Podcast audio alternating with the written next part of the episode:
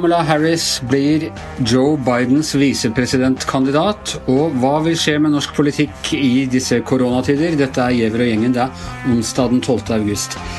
Ja, uh, Hanne Skartveit. Ingen stor overraskelse i at uh, Joe Biden valgte Kamala Harris som uh, visepresidentkandidat. Hun var liksom favoritt og, og lå veldig godt an til å få den jobben.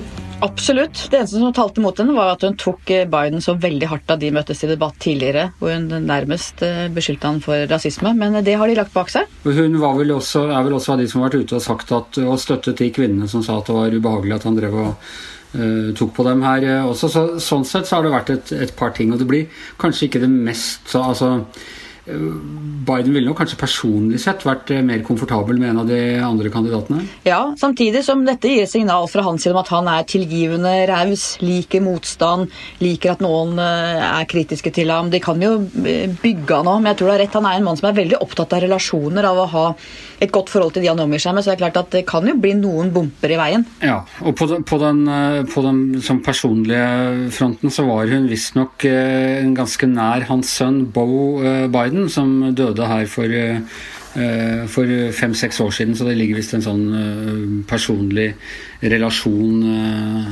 relasjon der også.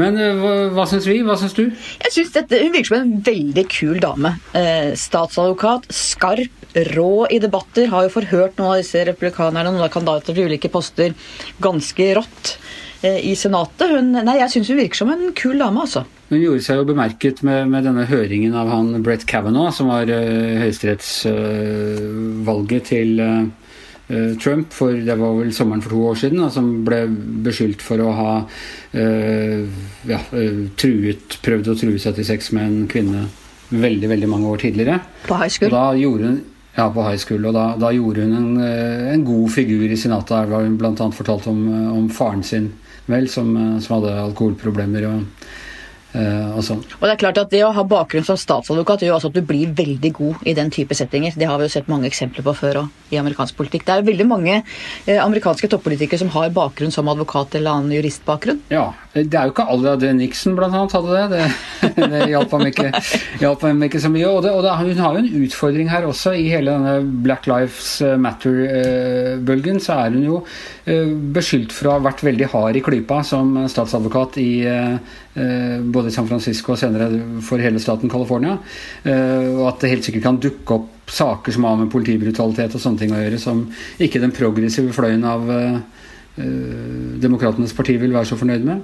Nei, men den andre siden av det er jo at hun kan fende av mot de på Trump-sida som sier at det bare er han som kan ha lov og orden. Altså Hun bygger jo Demokratenes partis troverdighet når det gjelder lov og ordensspørsmål på en helt annen måte enn Joe Biden og andre demokrater ville klare. Så det er den andre siden av den mynten. Trump hadde en sånn klassisk dobbeltkommunikasjon da han eh, skulle kommentere valget av henne i natt. Han sa for det første så var det den han hadde trodd det skulle bli, men han var ganske overrasket over at det ble henne. ja. ja, dette er jo klassisk Donald Trump, altså. Ja, og hun var og han brukte, Det var ikke kanskje ordet nasty, men det var, det var diverse sånne negativt ladede adjektiver om uh, om Kamala Harris som han for det første mente er veldig radikal, og det var veldig at hun hadde jo ikke Hun klarte seg jo ikke i, i nominasjonskampen, og det var ja, han ga, levnet henne ikke mye sjanse. Men han har jo gitt penger til henne for mange mange år siden da hun stilte som statsadvokat vel i California, så at han har jo møter seg sjøl igjen, kan vi si, litt i døra. da. Ja, og, ja, ikke mange mange år siden, det var i 2013. liksom. Ja. Kommer an på hvordan du ser på tid, Anders. ja, det var liksom tre år før han selv stilte som, eh, stilte som uh, republikaner. Uh, tror du det har økt sjansene for at Biden kan vinne valget, eller er de omtrent det samme? Jeg tror kanskje det kan ha økt sjansen, nettopp for det jeg var inne på i stad, med at hun kan bredde ut partiet rundt lov- og ordensspørsmål, som er det som noen har beskrevet som et mulig svakt punkt for Biden dersom urolighetene rundt demonstrasjonene går videre og folk får en følelse av lovløshet. At der vil hun kunne være mye strammere på lov og orden enn veldig mange andre. Så det tror jeg kan ha økt mulighetene, ja. Samtidig så vet Hva tror du, Anders? Ja, altså, jo, jeg tror altså alt under 70 uh, øker uh, mulighetene her. hun, hun er, som du sier, en oppegående, skarp dame og vist seg villig til å ta politiske fighter, og, har for så vidt stor tro på henne. Så at må vi se, altså, Det å være en kvinne i den plassen i USA, det er noe annet enn i Europa. Uh, altså 40 år etter at Gro Harlem Brundtland ble statsminister i Norge, og mer enn 40 år etter at Thatcher ble statsminister i England, så har altså ikke USA virket klare for en kvinne på toppen. Eh, vi husker Walter Mondale, noen av oss husker Walter Mondale tapte spektakulært mot eh, Reagan i 1984, da han hadde hun Geraldine Ferraro eh, som visepresidentkandidat. Det gikk ikke så bra med John McCain og Sarah Palin heller. Og, men det var det mange grunner til. Det må vi kunne legge til. Det var, det var, mange, det var flere grunner til på dem begge her. Og, også, men så var det også Hillary Clinton som altså eh, Mye av grunnen til at eh, at Eh, hun tapte valget forrige gang, var et ganske utbredt eh, kvinnehat som, som, Trump spilte ganske rått på. Men må du huske Anders, at hun fikk jo tre millioner flere stemmer. Hun vant det såkalte popular vote. sånn at det at hun fikk så stor oppslutning i folket, kan jo ha banet veien og skapt en mentalitetsendring i USA som gjør at de nå er mer klare for en visepresidentkandidat, som jo veldig lett kan komme til å bli president dersom de vinner og eh, Joe Biden, som jo er en gammel mann, det kan jo skje mye med han. Ja, nei, jeg hører du sier det, jeg er glad for du sier det, men jeg tror ikke noe som helst før eh, stemmen er telt opp i Ohio når det gjelder Kan jeg gripe inn med litt sånn uh, dummy-spørsmål? Grip inn, Tone Sofie. Ja, ja. Når uh, dere sier at uh, Hillary Clinton sleit med at hun var kvinne, hvor mye var det at hun var kvinne, og det at hun var en del av Clinton-familien og det dynastiet der? Det er et veldig godt spørsmål, Tone Sofie. Og oh, wow. jeg reiste jo bl.a. rundt i, i sør den gangen og hvor folk skulle stemme på Trump, for de orka ikke Hillary. og det var unge, moderne mennesker, akademikere.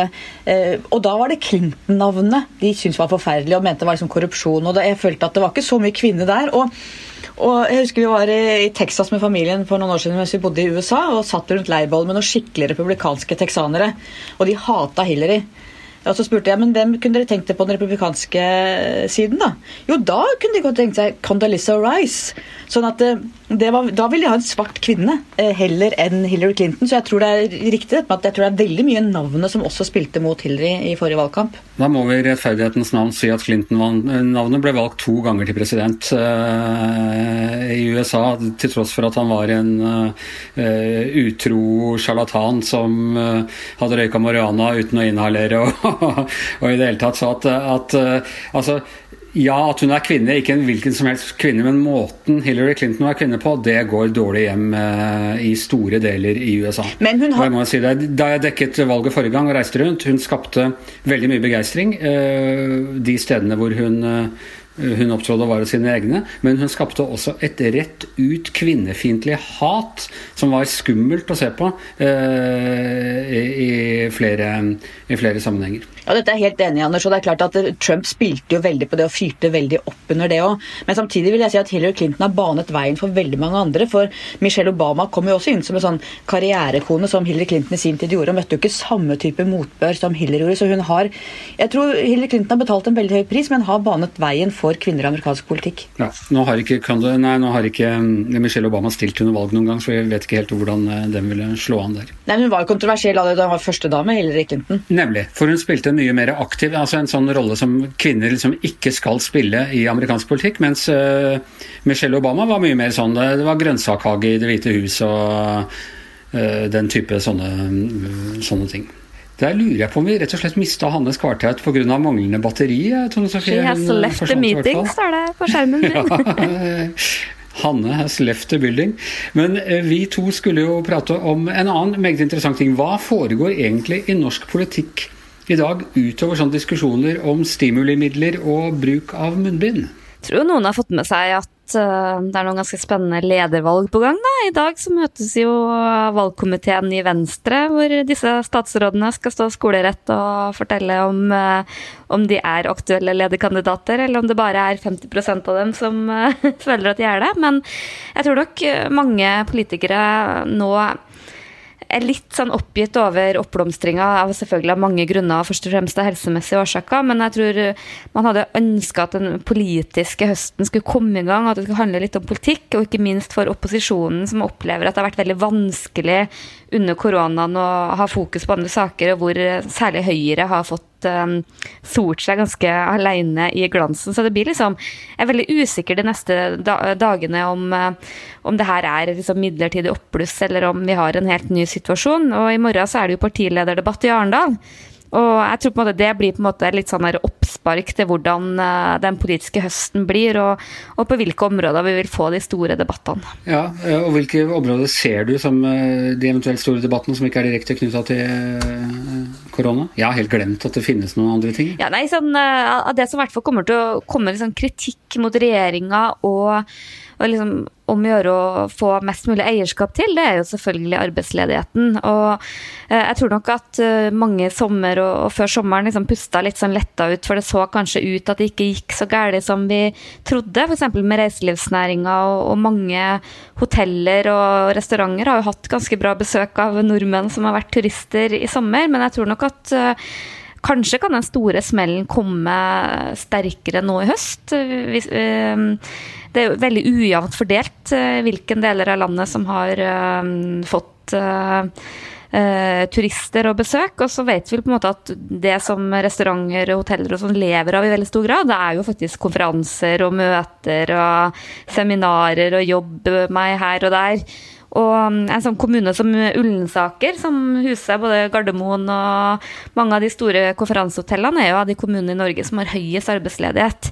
Så jeg tror mange er veldig sånn bekymra for hva som egentlig vil skje, om det her er en midlertidighet, eller om det her er en eh, ny normal. At det er ganske mange som vil eh, bukke under. Og permitteringsregler vil også selvfølgelig Det er jo allerede en um, ganske heit debatt. Nå dukket Hanne Skartvedt opp her igjen. Jeg er ikke helt sikker på om hun hører oss, for jeg ser hun sitter og tar pluggene inn ut av øret. Du hører altså, ja, Hva tror du, Hanne, utover korona og Tangen-saken, får vi legge til, kan bli de store politiske sakene nå i, i denne koronatiden? Vil alt være preget av av korona, eller, eller vil vi få et sånn politisk dagligliv samtidig? Akkurat nå så er det jo veldig mye korona, men det er klart koronaen eh, kommer jo ut i de store andre politiske sakene òg, når det gjelder kjernespørsmål som statsbudsjett, hvordan skal pengene brukes, kommuneøkonomi, eh, arbeidsliv, eh, som Tone Sofie var inne på, permitteringsregler. altså Koronaen i seg sjøl, den situasjonen vi står i nå, vil jo bli veldig, vanlig, veldig mange vanlige politiske spørsmål som blir satt på spissen nettopp fordi vi er i den situasjonen vi er. Og, og som en forlengelse av det, så vil du jo også få de ganske vanskelige debattene om hvilke arbeidsplasser skal vi på en måte holde liv i. Eh, om vi kan kalle det litt sånn kunstig, og, og hvilke skal vi la dø. Sånn, Foreløpig så har det jo vært litt sånn at uh, vi skal berge alt uh, med pakker og sånn, men, men, det er jo ikke noe som kan gå inn i evigheten. I hvert fall ikke hvis vi tror at samfunnet vil uh, forandre seg, f.eks. i reisemønster og, og, den type ting. Og en, en, annen ting jeg hører veldig mye snakk om rundt i kommunene, er kommuneøkonomi. Og der er det veldig sånn ord mot ord, hvor regjeringa hevder at de kompenserer, mens kommunene eh, sier at de ikke får kompensert både inntektsbortfall og, og store utgifter. Og, og, det kan bli ganske krevende for regjeringa, for vi vet jo at de rød-grønne har eh, ordførere og ledelse i veldig mange norske kommuner, og også i alle storbyene, som eh, kan gjøre det ganske vanskelig for regjeringa. Jeg tror også at årets statsbudsjett, vi sier jo det hvert eneste år, at dette blir dyrt og dette blir vanskelig, men i år så blir det definitivt dyrt og vanskelig. For det er ikke så veldig mange som har lyst til å hjelpe regjeringa i år. Og så er det en konflikt som jeg tror vi vil se tydeligere og tydeligere både i inneværende år og i årene framover, og det er generasjonskonflikten. Nå ser vi det noe med at eh, de eldre blir syke, de unge smitter, og det blir et sånt voldsomt raseri mot unge som er uansvarlige osv. Du vil få det fordi at veldig mange unge nå sliter med å komme inn i arbeidsmarkedet. Hvis denne situasjonen varer, så vil de få enda større problem med det. Og når regninga skal betales, som den skal på et tidspunkt, skal da f.eks. pensjonister som sitter med fullfinansierte pensjoner, skal de være med å bidra? Mens, eh, eller er det bare liksom de produktive som skal eh, belastes med innsparingstiltak? Jeg tror generasjonskløften kommer til å bli tydeligere og tydeligere i årene framover.